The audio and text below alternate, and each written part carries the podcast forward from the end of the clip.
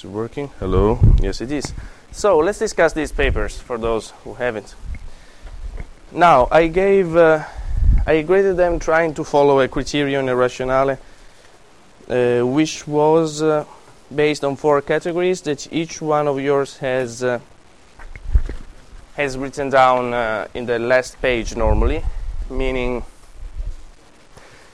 first category is structure. If it's structured, you know how a paper should be roughly more or less structured. Not that one must be schematical, but at least a little bit uh, organized in um, in an introduction, then a development, and a and a conclusion possibly.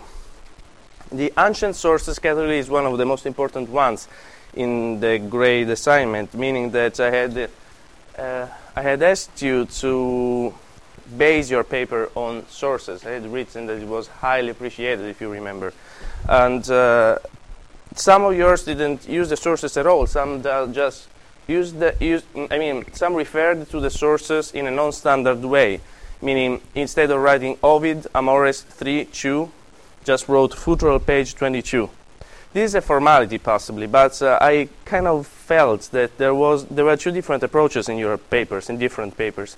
Some were sources based, some were based on the sources, and these happened to be, in most cases, the ones who actually referred to the source in a precise way and were commenting critically on the source. Some others basically referred to Futrell and what he said, what she said. All right. So either you were discussing the general topic that Futrell or Kohne and Ewigleben were discussing, or you were discussing the source. This was a major criterion, criterion for me to divide, so to speak, A's and B's basically. So it's not so schematical, but this was a major criterion. If you use the sources in a critical way, if you base your discussions on some ancient evidence, visual, as I said, or recent, you remember we discussed this topic. How we, do we quote the sources? How do we quote visual images, etc.? Well, this was one of the criteria. The, sec- the other one, do you have it? Is like on, this, on the last page normally? You all have it? This sort of prospectus of 1 to 3. 3 is the top, 0 like is the bottom one. Secondary literature. I said that uh, it was okay to use just textbooks and readings. Um, so I gave uh, the bottom one one to, to those who used just one textbook or both textbooks but didn't use the other readings. Two to those who used also the other readings plus Wiedemann uh, and, uh, and Toner. And three to those who added something more in terms of other readings of their own in order to make a comparison. This was also another criterion that went together with the, the other indication that, that I had given to you, which is to try to make a critical comparison between the ancient world and some other cultural, cultural environment, trying to do this sort of comparison in a not naive way, but being backed up by some secondary literature, like a monograph you read on the courtesans, for instance, or on some other aspect of the modern ancient world. Um, the fourth criterion is form. Okay, I'm not a master for English form, but the, the, way I learned English is basically reading tens and maybe hundreds of papers, essays, chapters about classical antiquity in English. Most of the bibliography I read for my personal research is in English, actually. So I sort of have an idea of how a formally well written English looks like, although I'm not capable of writing it probably myself. So, in general, another thing that entered the form category was accuracy in editing. You know, when you write down a footnote, which is, it doesn't start with a capitalized letter, which doesn't end with a point, when you have the, um, I don't know, everything more or less messed up, typos all around, and sentences without verbs. That means that you wrote your paper in a hurry. And I totally understand you if this undergrad talk is admitted. I totally understand you because my life in America is a mess as well, and I also have a lot of time restraints. But you know that when you yourself don't have time to write down a paper, you have write down something in a hurry, it happens that it looks inaccurate. And this is something that is normally looks bad to whoever is going to read your papers, whether you're applying to a gra- to grad school, to applying to a, you're applying to a job, you're writing an MA thesis, whatever you're doing. Accuracy in editing and form is something that ta- is something that takes some more time that we don't always have, right? But when we have it, it's useful. It's worth to use it to apply it. The fifth category is material, meaning must um, knowledgeable, know, okay, being knowledgeable about the material. Uh, here, I, in this category, I basically gave a, pretty much a general um, assessment of uh, the quality of uh, the content, not the form. There's a, a, sixth, whatever it is, a sixth category, which is original point. Not all of yours have it. Some of yours just repeated, summarized uh, in a better or worse way the material, which was what was required, so it's okay to get an A. But from my point of viewpoint, standpoint, to get an A plus, you know, to get a 100, 98, 99 percent, uh, which I guess should be sort of exceptional. Um, you you should have followed the indications I had given to you to achieve excellence in this paper. Excellence is this keyword that used in Italy as well, which I normally hate because it's very hypocritical. But okay, to make a particularly good paper, I had asked you to compare some other cultural environment you're familiar with with the ancient world, or to provide a point, a critical point, personal, well argumented, etc., on the classical world. So this is a category reserved to those who put this extra effort, and uh, basically they gave 100 to those couple ones who got a three in the point category, okay, original point category. Now, do you have questions about the papers that you want to ask me right now? I also have office hours at 3, but probably your questions may be of interest for the other students, so please, Heidi.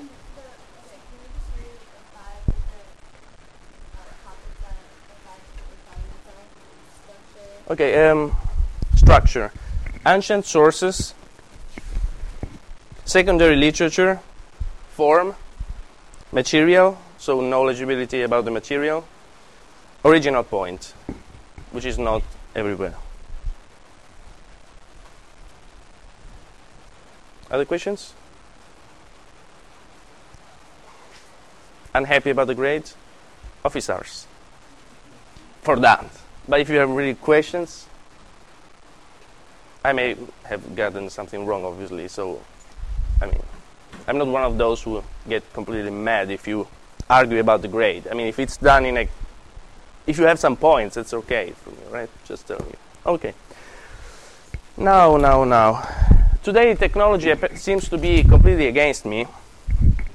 But let's see if I, like, my computer got broken, died, just before class. But since this is connected with the internet as well, we can maybe make it up.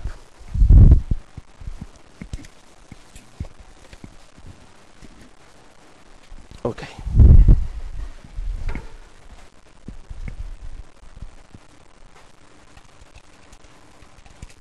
Ben race, obviously. Well, since we are, I had promised you a spectacular class, and sometimes we are not very spectacular indeed.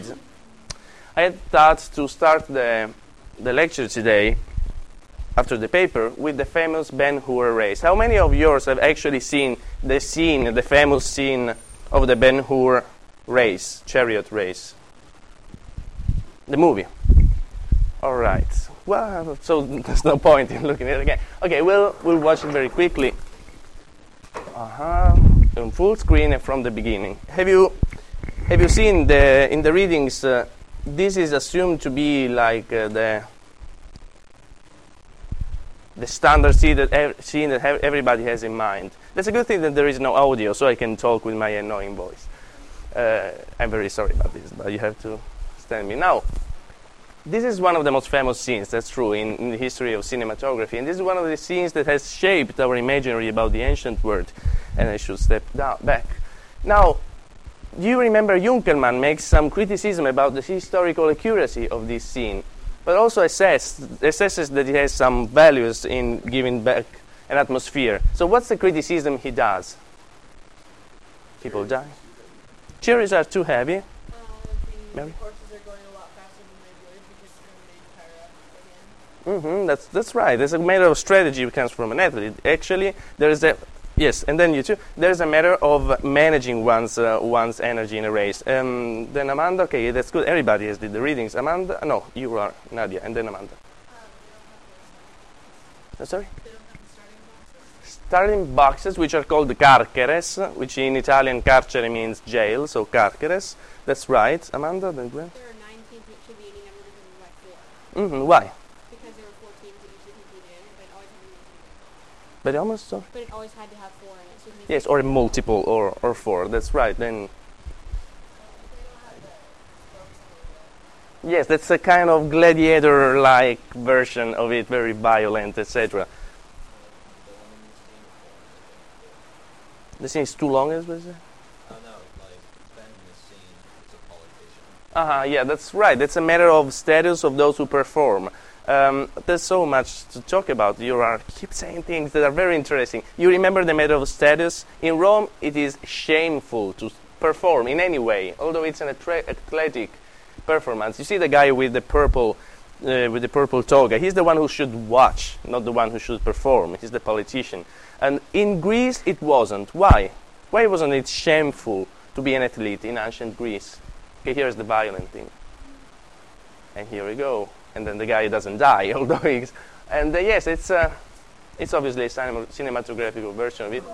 Now, now he maybe does. Okay. Um, sorry. And yes, okay. Why is it that in Greece it's not shameful to perform like this? hmm victory. Yes, that's right. And also achieving excellence as a value. Grant. It was almost. It was also a demonstration of money that you were putting up for it. That's normally right, although not always. For instance, yes, Ladi. Oh, I was just going to say that glory was hmm Of the chariot. Like rather than actual. was going to say like today for F1, but not really. I mean both.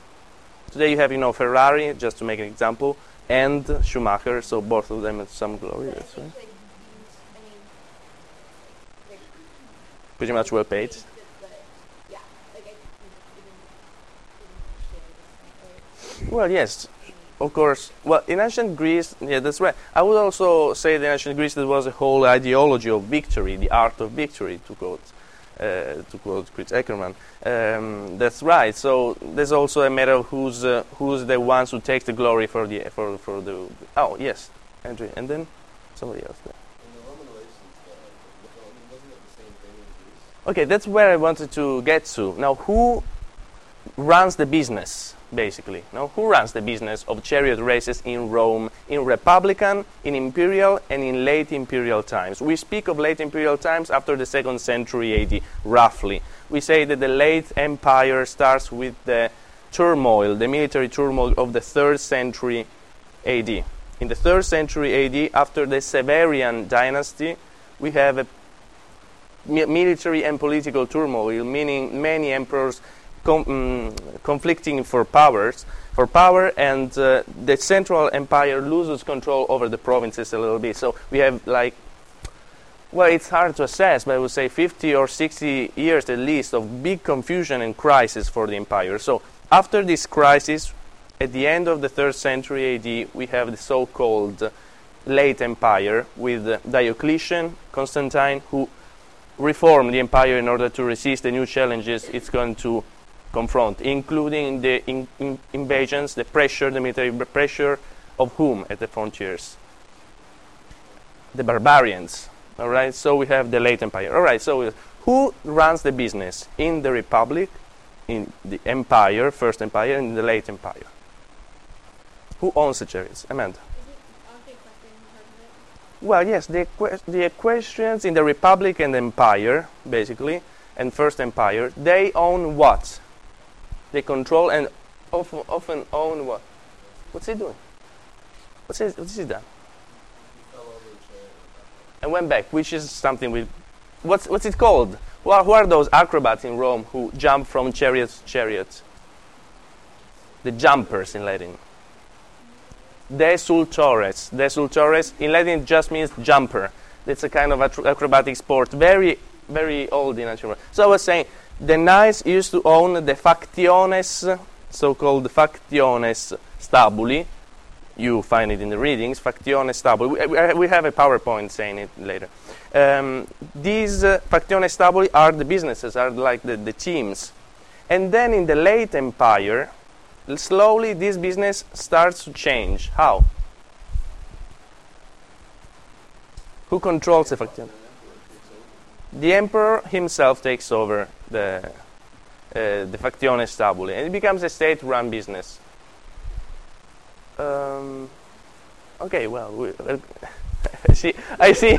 It, okay, I, I had a, I had a mm, New Year's Eve party this uh, this year in the United States, and there was a room, a dark room. It was okay. Don't think anything special. it was dark because there was the television, and then slowly anybody was attracted by this dark room, like in a black hole, and and the, the, the party died basically because anybody was like staring at the television, where there was. Okay, that's a long story.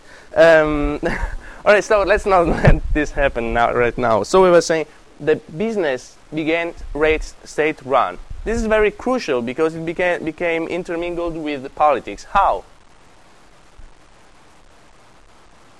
Yes, let me see if there's somebody else who knows it. How do the circus factions, the reds and the well, and the whites and the and the blue and the greens become intermingled with politics in the ancient civilizations?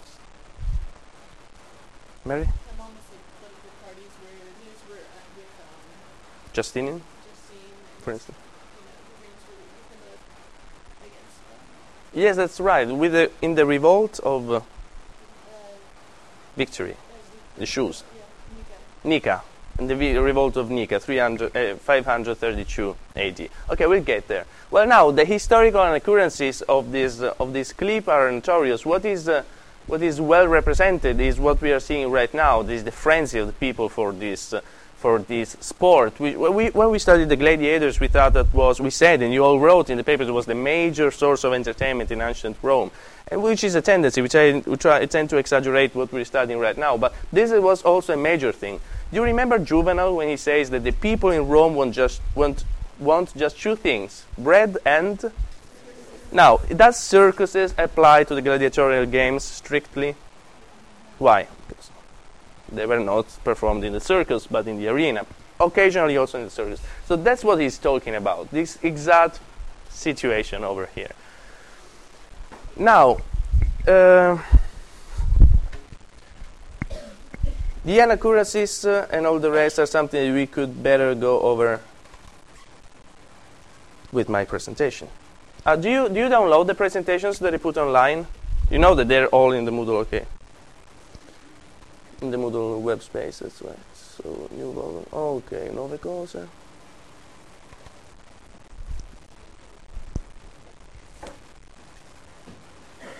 F5, F9.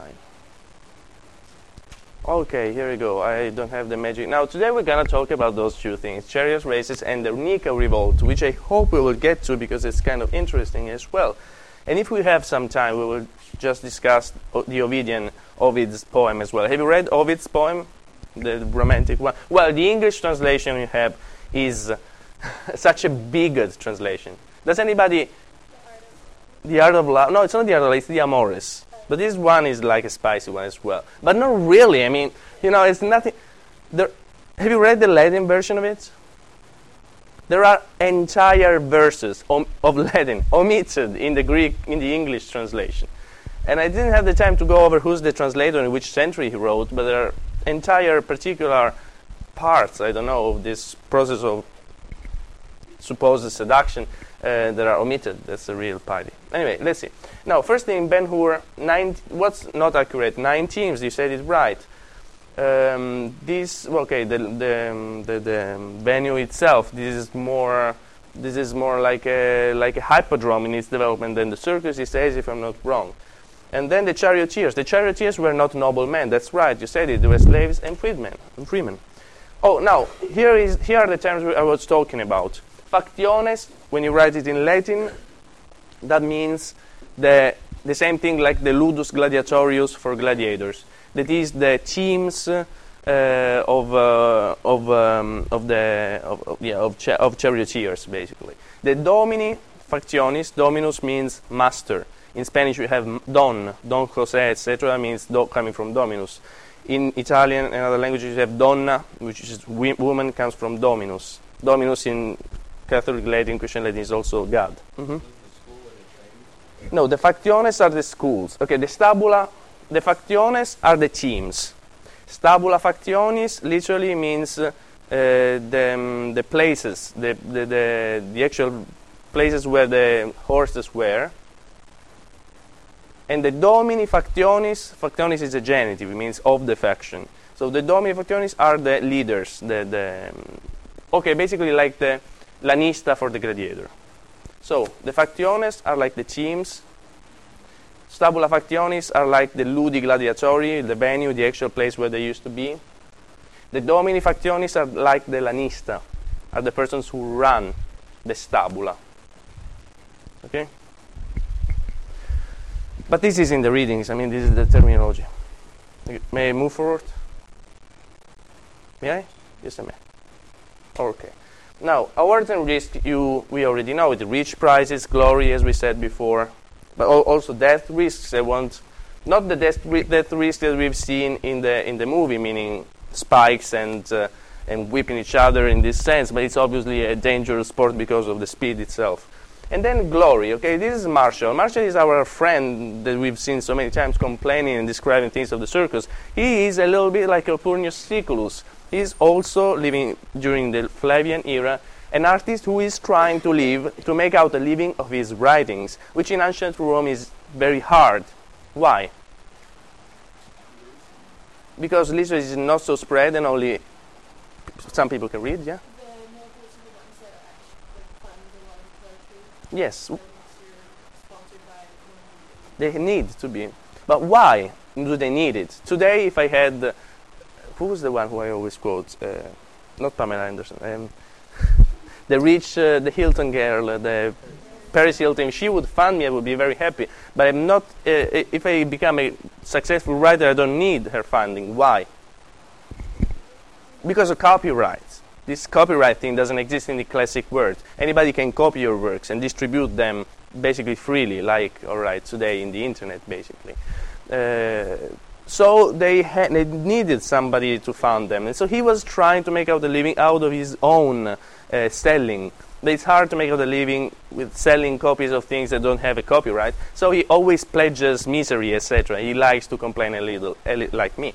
And uh, he says, I, the Martial, who am known to the nations and to Rome's people, what are you envious of? He's talking to the reader. I am not better known than the horse Andraemon. This is, this is a reminder that, like today for Formula One, the cars are as important as, uh, as the drivers in a way. So there is some idolizing of the cars. These cars are exposed in, uh, in expositions, and I know I've seen it. Like the Formula One car, there's a frenzy about it. The new Ferrari car, it's exposed. It's a sort of idolatrization of technology.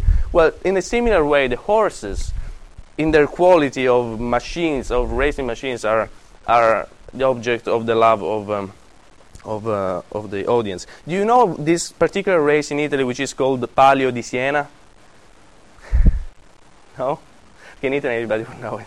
Okay, I'm just overassuming the famous, I don't know, the fame of Italian things. In that case, there's, there's, this, this is a traditional medieval race. Just to tell you this, that uh, in, that, in that race, if the rider, it's just a horse races, so you're riding the horses, all right?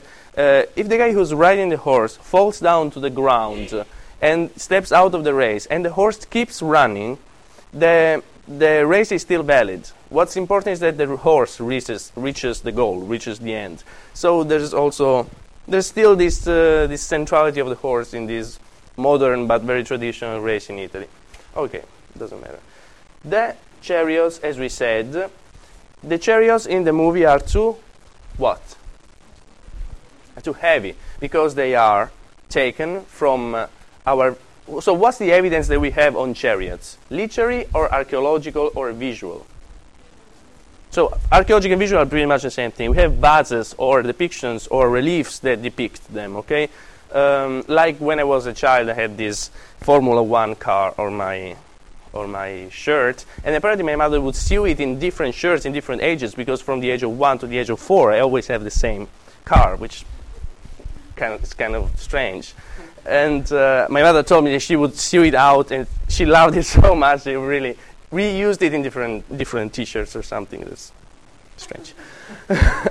and so, well, the same thing. So you want to depict something which is fashionable, like a fashionable sport, baseball, football, or chariot races in ancient Rome. So we have visual depictions of it. But these visual depictions obviously represent the most fancy, the most fashionable, the most beautiful to see form of a chariot, which is that one, the Currus Triumphalis. Currus means chariot in, in Latin. Triumphalis comes from triumph, so it's basically the triumphal chariot, which is obviously very slow, very highly decorated, and it's basically pretty much the one that Ben Hur is, uh, is using. Now, the following slides come from the follow- from this side, which is the site of a of a professor. Uh, actually, he's not a professor; he's an teaching university. He's an archaeologist, an American archaeologist who lives in Rome. If you go to this website, you'll see lots of interesting slides about the ancient world in general. Now, here he's criticizing what's wrong: the horse collars and the fact that there are not the traces between the, the two horses and uh, the chariot, which is too heavy. The racing chariots, here we go. Now, top right, you have uh, a little statuette depicting a triumphal chariot. So it's heavy, it's uh, metal, met- deco- decored with engraved metal. Top left, you have an ancient statue depicting this sort of massive chariot which is used for triumphs. So, bottom, you have uh, bottom right a race, an actual racing chariot of ancient Rome. The main, the key of the thing is that it has to be light and manageable. It's it's basically a wooden structure with some with some fabric on it to intermingle it. Um, then this is another statuette with a race uh, chariot. And then again, you see it's essential. It's very very tiny, very light. And here is also here there's also another interesting detail being the helmet of the guy, helmet to protect him. This is a feature of the Etruscan and Roman charioteers, as opposed to which charioteers? To the Greek charioteers, which did, who did not have it.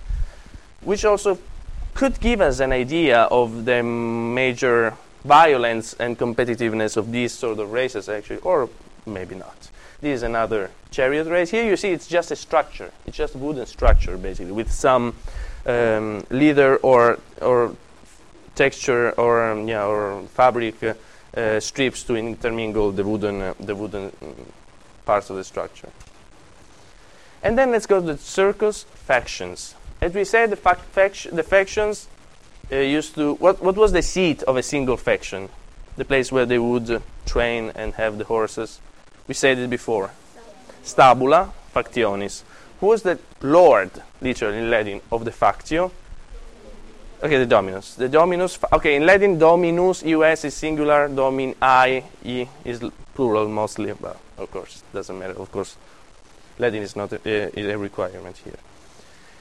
In late antiquity, in late antiquity, this, the whole business is run by the state, by procuratores of the empire. Now, these are the four factions, which are which are distinguished by colors. So it's quite funny that our textbooks are all, are all black and white. The four factions here are pretty clear: green, red, white, and blue. What are the major ones? Green and blue. Which are the ones who which were the oldest ones and survive until late antiquity and have a major political role in Constantinople, so in the eastern part of the empire in late antiquity.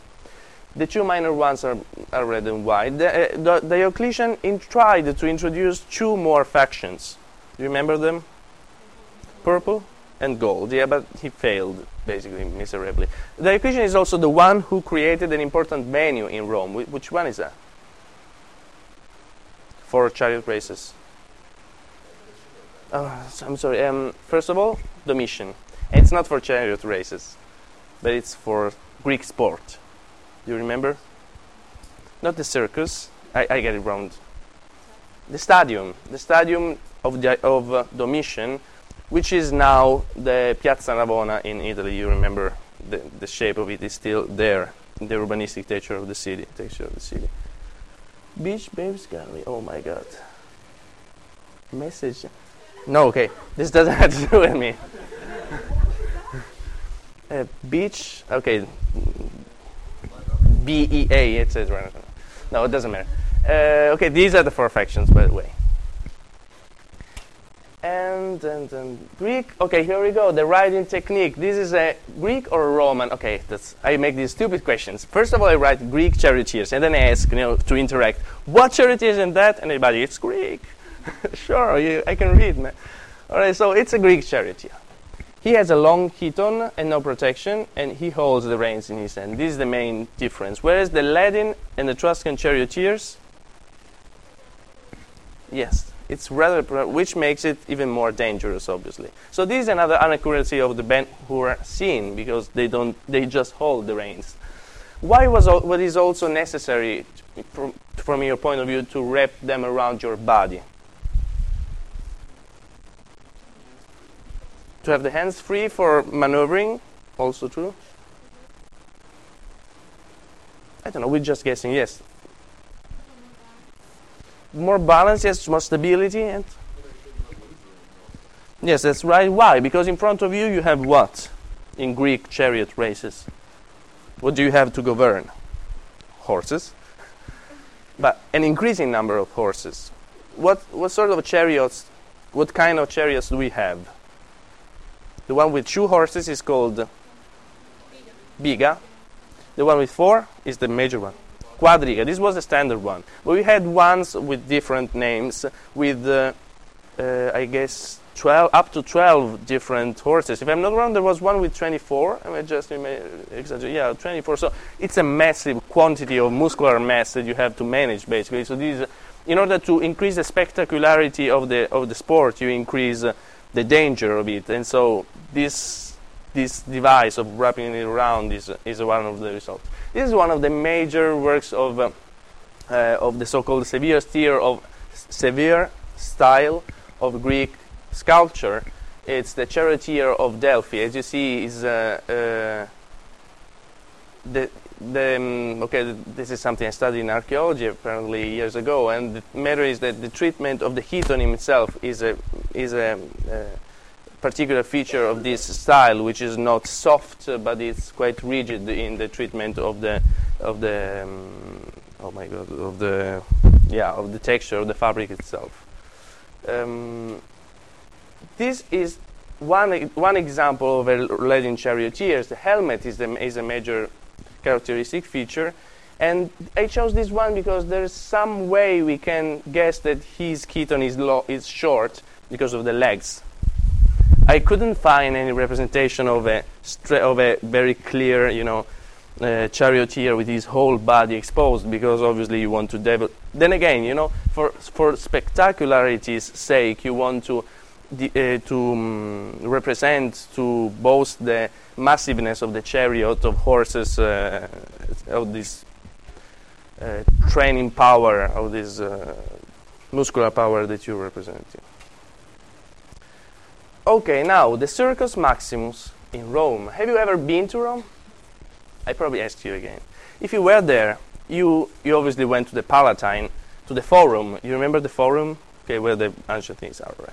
And then you have this hill, the Palatine Hill, where there is today what is noticeable are the late antiquity palaces, uh, but that was the place where Augustus and the early empire uh, emperors had uh, seated her, uh, sit- uh, placed their major um, their palace and their major architectonical works, including the Apollo Temple of Augustus, we hinted to in the last days. Okay, so this the top right over there, that's the Palatine Hill, with the Palace of Augustus, I guess, in this in this stage of the of the re- reconstruction, and then i- just in front of the Palatine, you have the Circus Maximus. If you were there, you couldn't miss it. I mean, when you climb up to the Palatine Hill for your tourist tour, you see down and you see this whole huge area, which is still the way it used to be. It used to be free. Actually, this, yes, Andrea. Yes, I guess so. Since I'm, I took this slide as it was from that website. I don't know what uh, historical moment is because every emperor built up a different house over there, and uh, the one of uh, Augustus was partially replaced by Nero, and then it went on with uh, Diocletian, I guess, and. Uh, You la- know, the finish point right now is where to finish the race. Yes. Okay, look, these, these are the carceres, the places where you start from, the starting lot. And then this is the spina. So you, Are you going along, you go along the bottom, or I mean, you, okay, I don't know. Honestly, this is a good question. I never thought of it. No, I don't know. That's right. But if I'm not wrong, the if I'm not wrong, the Spina in the in the uh, Constantinople uh, hippodrome that we're going to see in a while, and so I, I guess that the, it's made as using as a moment the, the Rome circus. The Spina was not completely symmetric, but a little bit that way, meaning that the carceres, when they start, they want to have some space to um, to place, to displace themselves, which makes me think, and I remember that it, it is that way, makes me think that they start from this side, and so I think it's counterclockwise from that archaeological evidence they have in mind. But we'll check it out in a, in a moment. We have two moments, so literally in a moment, so we have two minutes. So this is the circus, this is the spina, these are the metae. They turn around.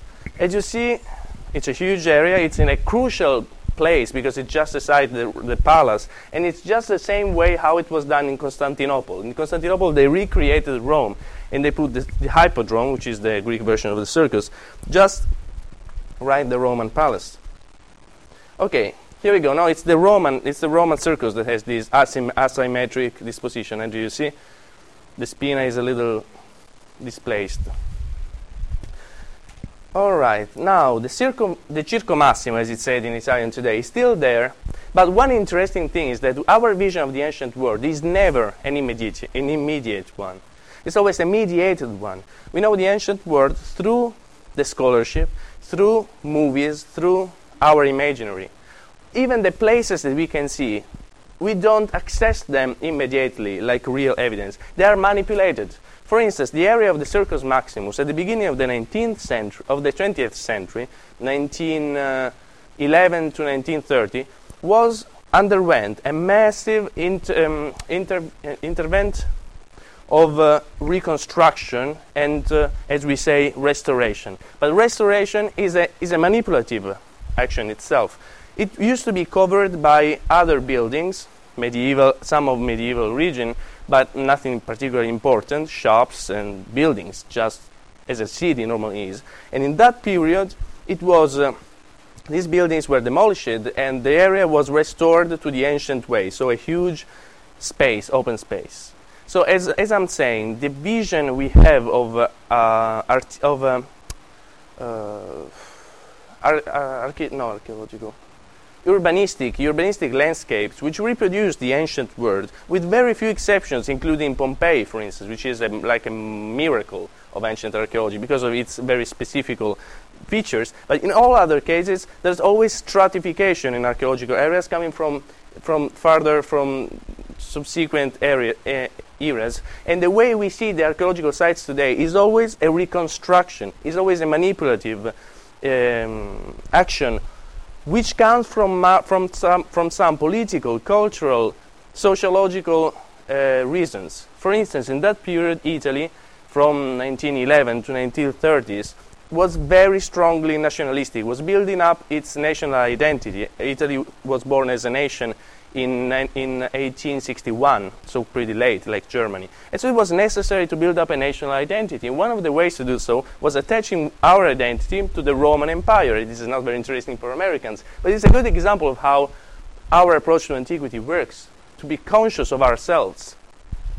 So it was necessary to restore the ancient Rome in a monumental way, which would remind the Italians of this of this glorious past, which brought in the 30s to the little effect that we know, effects that we know. Fascism itself was based on some sort of nostalgia of an artificially recreated Roman heritage, glorious Roman heritage. So what we're going to see right now, just to tell you that it, it's astonishing because it looks like it's still there, but it's not still there. It has been changed and restored, and basically the area has been cleared up in the 10s and the 20s of the 20th century. So this is the Circus Maximus today, if you went there. It's a big area, and the basis of it is still the same. Also because it was cleaned up, as I told you.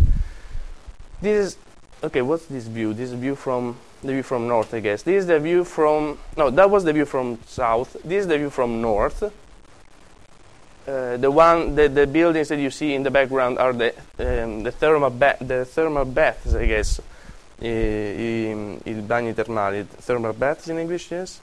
And this is the Circo Massimo, the Circus Maximus. In two, 2001, when the Italian team, uh, soccer team Roma, won the Italian championship, and so there were like tens of thousands of people going for a concert. You see, top right, there is a there is a stage. So it's a, that's a place where, since there's no archaeological um, constructions that could be damaged, there's just an open area with the with the same layout of the ancient circles. Yeah. have a question. Um, you know how on the far end, the, the one closest to the Colosseum, hmm there's there, it looks like they're ancient structures. Like Yes. Are those what were those? Yes, yes, it's uh, it's in Futrell, I guess, uh, if I'm not wrong. There is some remainder of uh, of the ancient uh, physical structure, but most of it it's an open area which cannot be damaged by pop concerts, etc. But what was was that like part of the sta- was that like If- seating, like foundation for the seating? Well, I'm not exactly su- sure of what you're talking about precisely, but on one of the edges there are. s- Towers? Yes, I guess so. This should be the, the area of the Carceres. That should be over. That should be still remaining. I don't have a uh, slide of it. Okay, that's pretty much. The Nika revolt. We'll talk about it next time. Thank you.